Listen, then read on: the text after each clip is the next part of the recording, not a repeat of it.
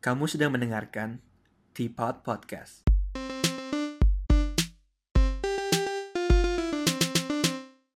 Hai guys, welcome back to Teapot. Di perspektif kita kali ini, gue bakal bawain monolog dengan tema berberes-beres saat liburan. Nah, awalnya tuh gue kepikiran buat bikin uh, perspektif kali ini karena gue waktu itu lagi main ke rumah temen gue dan gue ngeliat dia tuh nggak suka banget ngumpulin barang-barang. Dan maksud gue barang-barang yang kepake dan gue kan jadi kepikiran soalnya gue tuh juga pengen lebih bisa kayak gitu lagi walaupun gue udah coba menerapkan beberapa hal hal minimalisme yang uh, sebelumnya udah gue pernah sebutin tapi ya nggak 100% tereksekusi dengan baik. Jadi teman gue ini dia tuh nggak suka banget buat nyimpen barang-barang yang udah nggak kepake misalnya dia punya banyak hanger baju. Terus dia juga dia belum lama ini baru pindahan tempat tinggal. Jadi dia punya beberapa plastik gede gitu yang bahannya dari bukan kantong plastik kresek yang kalian dapat dari supermarket tapi bahannya tebal banget. Dan itu dipakai buat pindahan biasanya. Nah barang-barang ini kan mungkin nilai um, nominalnya nggak seberapa ya. Tapi daripada barang ini dibuang dia coba jual barang-barang ini di platform online gitu. Nah buat di Hongkong sih yang terkenal itu Carousel dan gue nggak yakin kalau di Indonesia apa. Tapi walaupun untungnya cuma seberapa tapi seenggaknya dia ada dapat uang juga gitu loh. Dan dia juga ada kurangin beberapa laci plastik yang dia udah nggak kepake. Dan bahkan sebenarnya dia dapat untung dari jual barang itu. Karena waktu itu dia belinya pas lagi diskon 20% tapi dia jualnya nggak nyampe potong 20% ya tapi yang gue mau bilang adalah daripada punya banyak barang-barang yang kepake di rumah kalian mending kurangin barang-barang itu. Dan juga daripada cuma dibuang mungkin bisa di, dimanfaatkan dengan cara dijual. Nah jadi ke topik berikutnya yaitu tentang manfaat beres-beres dan yang barusan gue sebutin itu adalah manfaat pertama yaitu dengan cara menjual barang-barang yang nggak pakai. Dan manfaat kedua adalah kalau kalian punya barang yang lebih sedikit, kalian bakal merasa hidup kalian lebih senang dan tenang. Karena kalau barang kalian lebih dikit, semakin dikit barang yang perlu kalian cek gitu, punya atau enggak. Dan tentunya ketiga ini merupakan manfaat yang gue yakin semua orang juga udah tahu, tapi tetap aja nggak dilakukan kegiatan berberes ini dilakukan. Yaitu kalau kalian beres-beres gue yakin kalian merasa lebih seneng karena abis kalian beres-beres harusnya rumahnya tuh lebih rapi daripada sebelum beres-beres. Harusnya ya. Jadi ya itu lumayan straightforward. Dan mungkin ada dari kalian yang mikir ah malas ah beres-beres kan buang-buang waktu. Mendingan buat baca buku atau cari informasi lain yang lebih bermanfaat.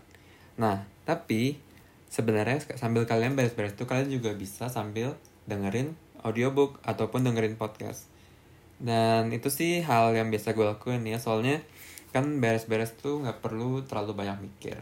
Kalian cuma perlu gerak ya perlu mikir juga tapi nggak sebanyak saat kalian melakukan kerjaan lain yang mungkin misalnya ngerjain PR atau kerja buat kerjaan kantor lah misalnya gitu jadi kalian bisa dengerin podcast sambil beres-beres. Jadi waktunya bisa lebih efisien. Dan manfaat terakhir itu yang gue kepikiran ya. Kalau misalnya kalian tinggal bareng orang lain kalian bisa melakukan kegiatan bersama yaitu beres-beres ini. Dan pastinya melakukan kegiatan bersama tuh lebih menyenangkan daripada kegiatan sendiri. Jadi ya itu kurang lebih. Move on ke topik berikutnya gue pengen ngomongin tentang cara beres-beres yang lebih efektif ini mungkin cara ini lebih bermanfaat kalau kalian punya ukuran rumah atau ruangan yang cukup gede ya. Jadi yang pertama, kalian keluarin barang-barang yang kalian punya itu, misalnya dari laci ataupun dari rak buku atau apa pun itu ke satu tempat yang gede gitu. Nah, setelah itu kalian bisa mulai milihin barang-barang mana yang kalian masih mau simpen dan enggak. Dan ini adalah step pertama kita. Milah-milah mana barang yang kalian mau dan udah nggak mau. Nah, step berikutnya, buat barang-barang yang kalian udah nggak mau mungkin kalian bisa pindahin ke mana dulu gitu yang tempat yang lebih luas Dan buat barang-barang yang kalian mau, dikumpulin ke satu tempat lainnya. Abis itu, tempat tadi buat kalian simpan barang itu, yang bagus sih kalau bisa dibersihin dulu ya kan. Itu pasti udah lumayan lama nggak dibersihin. Entah berbulan-bulan ataupun bertahun-tahun. Setelah itu kalian bisa mulai kumpulin berdasarkan atau simpan berdasarkan fungsinya. Biasanya sih kalau gue gitu ya. Jadi mungkin daerah sini buat buku semua, daerah sini mungkin buat kalau misal hobi ngegame oh ini buat bagian game ini buat bagian surat-surat dan seterusnya jadi ya lumayan straightforward ya sebenarnya kalau beres-beres itu nah buat barang-barang tadi kalian yang nggak mau itu kalian harus bisa misahin mana yang hmm, cuma jadi sampah mungkin dan mana yang mungkin ada value-nya bisa untuk dijual buat barang-barang yang tadi ke kelompok pertama yang mungkin udah nggak bisa dijual dan mungkin jadi sampah lebih bagus lagi kalau kalian bisa kelompokin berdasarkan bahannya. Jadi mungkin yang plastik dikumpulin, yang besi atau logam dikumpulin, yang baterai dikumpulin, yang kertas dikumpulin. Jadi kita ngebagi mereka dalam kelompok tertentu. Tujuannya adalah untuk membuang itu dengan lebih mindful atau buangnya dengan lebih berhati-hati. Jadi misalnya yang kertas, kalau bisa ya dikumpulin ke tempat daur ulang kertas. Dan juga buat yang lain buat plastik, logam, dan baterai. Nah, lumayan simple kan? Mungkin ini butuh banyak lebih banyak usaha tapi tapi ini sangat bermanfaat buat membantu bumi kita untuk mengurangi jumlah sampah. Karena perubahan iklim itu kondisinya semakin parah, pemanasan global, dan mungkin ini merupakan salah satu hal yang bisa kita kontribusi ke bumi kita ini. Nah, buat barang-barang yang masih ada nilai jualnya, kalian bisa coba jual ke platform-platform online jadi daripada barang itu terbuang dengan sia-sia, kalian juga kalian bisa menghasilkan uang dari itu. Dan ya, dari itu barang rumah kalian jadi lebih bersih. Pasti kalian seneng dong, udah rumahnya lebih bersih, dapat uang jajan tambahan. Nah, tapi mungkin ada juga barang-barang yang kalian sebenarnya udah nggak mau, kalian udah nggak pakai, dan nggak ada mungkin nggak ada nilai jualnya ya, tapi sebenarnya itu masih bisa digunakan seperti uh, misalnya pakaian. Nah, buat kasus kayak gini, daripada kalian buang, kalian bisa coba sumbangkan dan mungkin itu bisa dipakai buat orang-orang yang sebenarnya lebih membutuhkan. Jadi bagus banget dong kalau kalian bisa membantu orang lain. Nah, jadi kalau dari semua yang gue bahas tadi, poin yang gue pengen kalian buat ingat itu adalah kalian mesti tahu kenapa kalian butuh beres-beres dan kalian mesti tahu kalau beres-beres itu bukan hal yang sifatnya cuma buang-buang waktu doang. Kalian bisa beres-beres sambil dengerin podcast atau dengerin audiobook atau apa pun itu yang sifatnya bermanfaat buat kalian.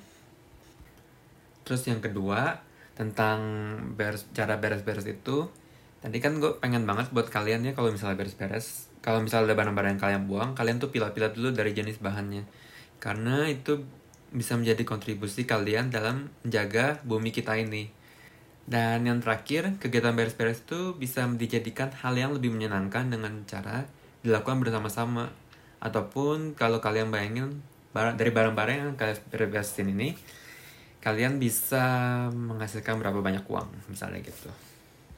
Nah mungkin sekian bagian dari beres-beres yang lebih fisikal ya.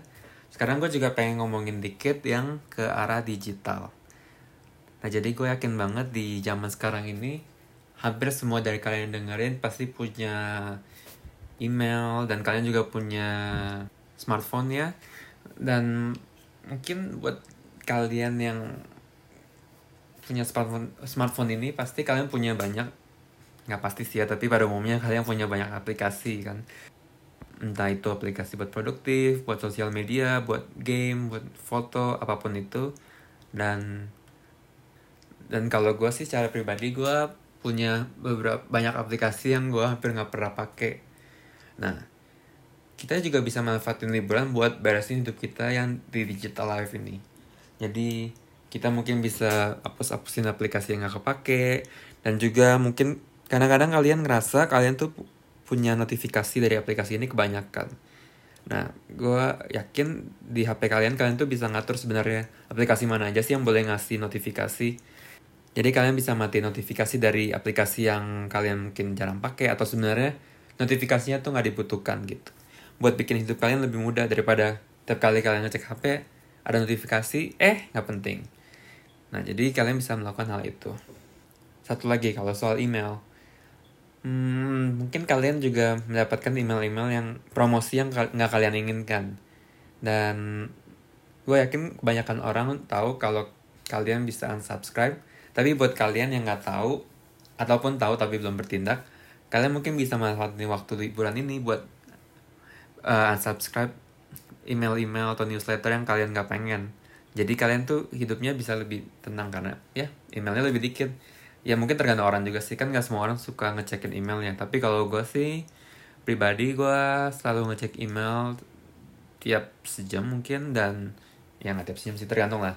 Tapi kalau misalnya ada waktu. Nah dan gue lebih suka ngecekin email-email itu kalau misalnya ada yang nggak gue butuhin ya gue sih ya bayin aja. Tapi kadang-kadang gue juga bakal unsubscribe kalau gue tahu gue nggak nggak nggak pengen dapat update dari mereka. Setelah itu gue bakal dapat jumlah emailnya lebih dikit dan ya hidup gue jadi lebih damai lah kurang lebih. Hmm.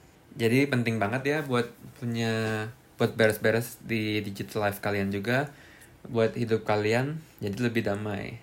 Dan daripada waktunya dipakai buat ngecekin email yang nggak penting daripada buat nerima notifikasi yang nggak penting mendingan waktunya dipakai buat hal lain yang lebih produktif ataupun yang mendingan buat senang-senang aja buat rek- rekreasi.